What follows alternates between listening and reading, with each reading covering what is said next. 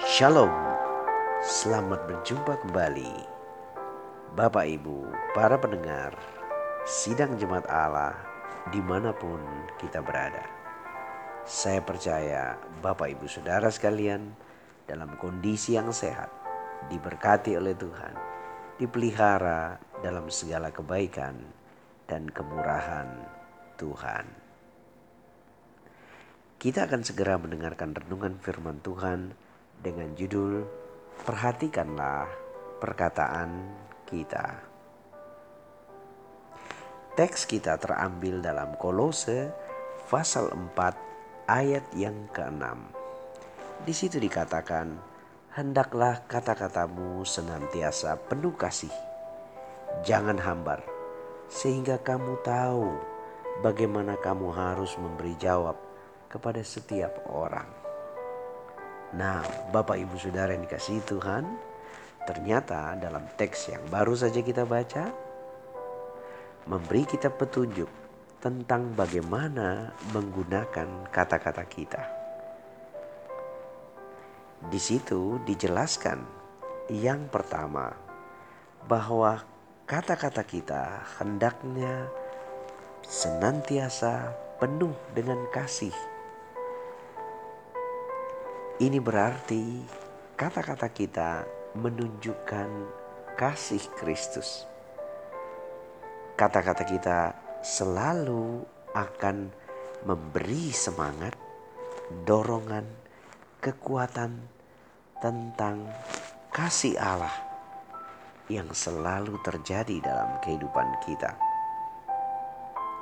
Kata-kata kita memberi motivasi, memberi kekuatan.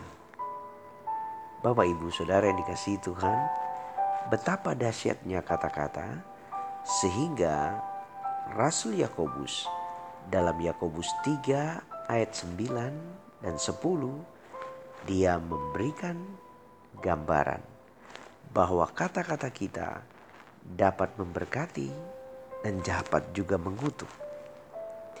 Nah, supaya dapat menjadi berkat, kata-kata kita harus penuh kasih.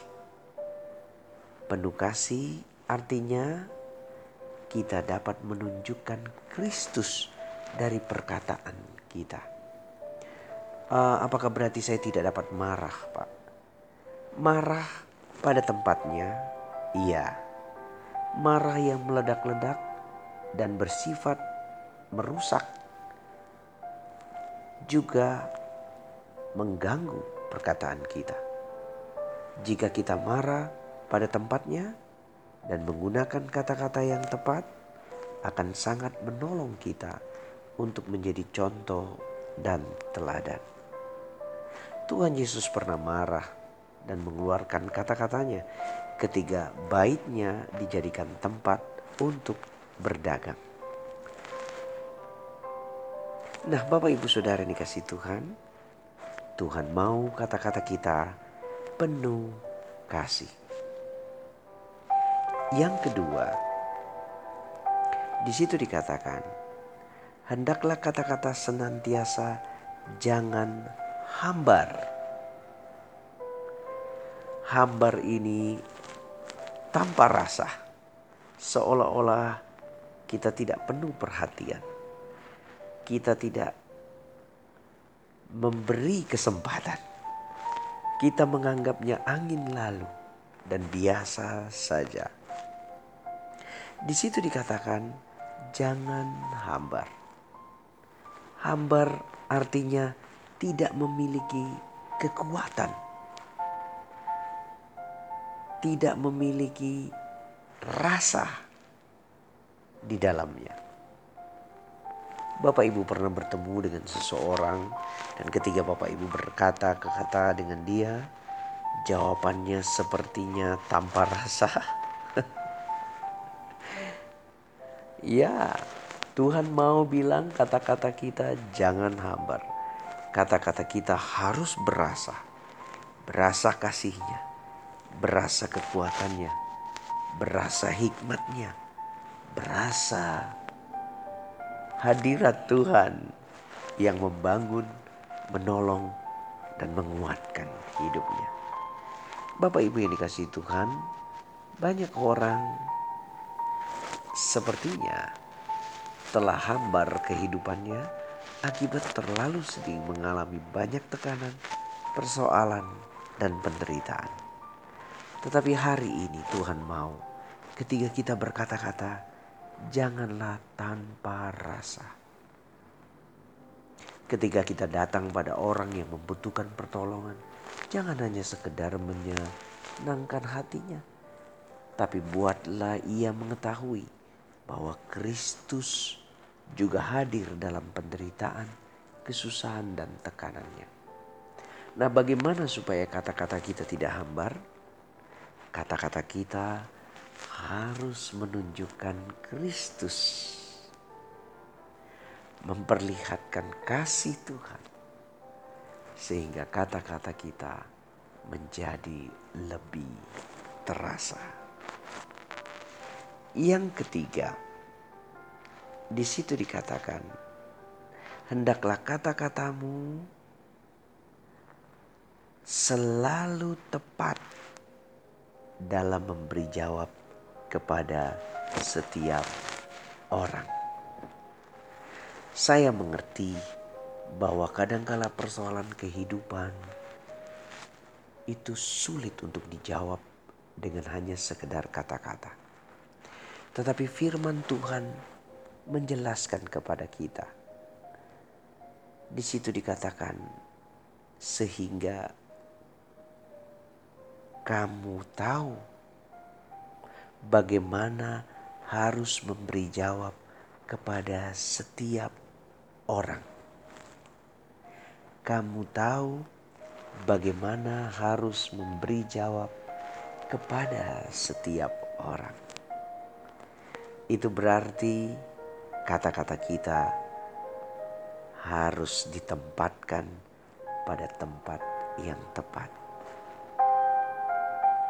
Tentu segala bentuk makian, kata-kata ujaran kebencian, kata-kata yang menyinggung orang, merendahkan dia, body shaming dan berbagai bentuk hal, tentu bukanlah hal yang tepat untuk dapat menjawab orang. Nah, kata-kata apakah yang dapat saya ucapkan untuk dapat menjawab pertanyaan orang? Tentu hendaklah perkataan Kristus diam di dalam hidupmu, kata Rasul Paulus. Jadi Bapak Ibu Saudara sekalian, biarlah perkataan Kristus yang terus kita ingat lewat firman Tuhan menjadi jawaban kita atas pertanyaan orang. Banyak orang berpikir, saya sangat susah mengendalikan kata-kata saya, Pak. Ketika saya berkata, apa yang ada dalam hati dan pikiran saya akan saya keluarkan. Tidakkah kita tahu bahwa banyak kata yang dikeluarkan justru menyebabkan banyak kekeliruan? Begitulah kata Amsal. Semakin banyak kata-kata, semakin banyak kekeliruan. Itu sebabnya kita harus tahu bagaimana kita memberi jawab kepada setiap orang. Kita harus tahu mengeluarkan kata-kata yang tepat bagi setiap orang. Ini tidak mudah. Ini membutuhkan disiplin diri untuk bergantung sepenuhnya kepada kebaikan dan kemurahan Tuhan. Itulah sebabnya Rasul Yakobus pernah berkata, "Hendaklah kamu lambat untuk marah atau lambat untuk berkata-kata, tetapi cepat untuk mendengar." Bukankah Tuhan menciptakan kita dengan dua telinga dan satu mulut sebagai pertanda bahwa Tuhan ingin kita lebih banyak mendengarkan dan setelah mendengar menimbang, kita memutuskan kata-kata yang tepat untuk kita pakai menjawab orang. Dan berdoalah sehingga kata itu begitu diucapkan menjadi jawaban yang tepat bagi persoalan, bagi masalah, bagi keadaan di dalam rumah tangga kita. Makian tidak akan memberi jawab.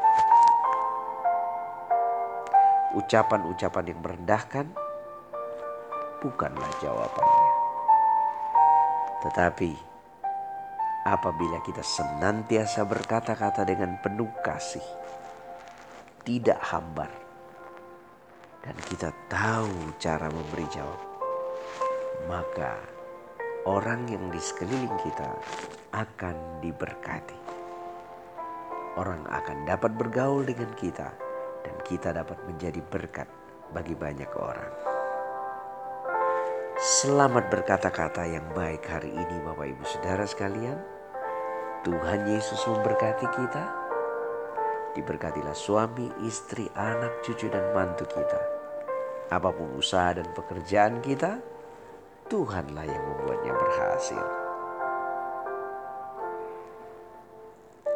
Turunlah damai sejahtera, sukacita atas kehidupan kita. Amin.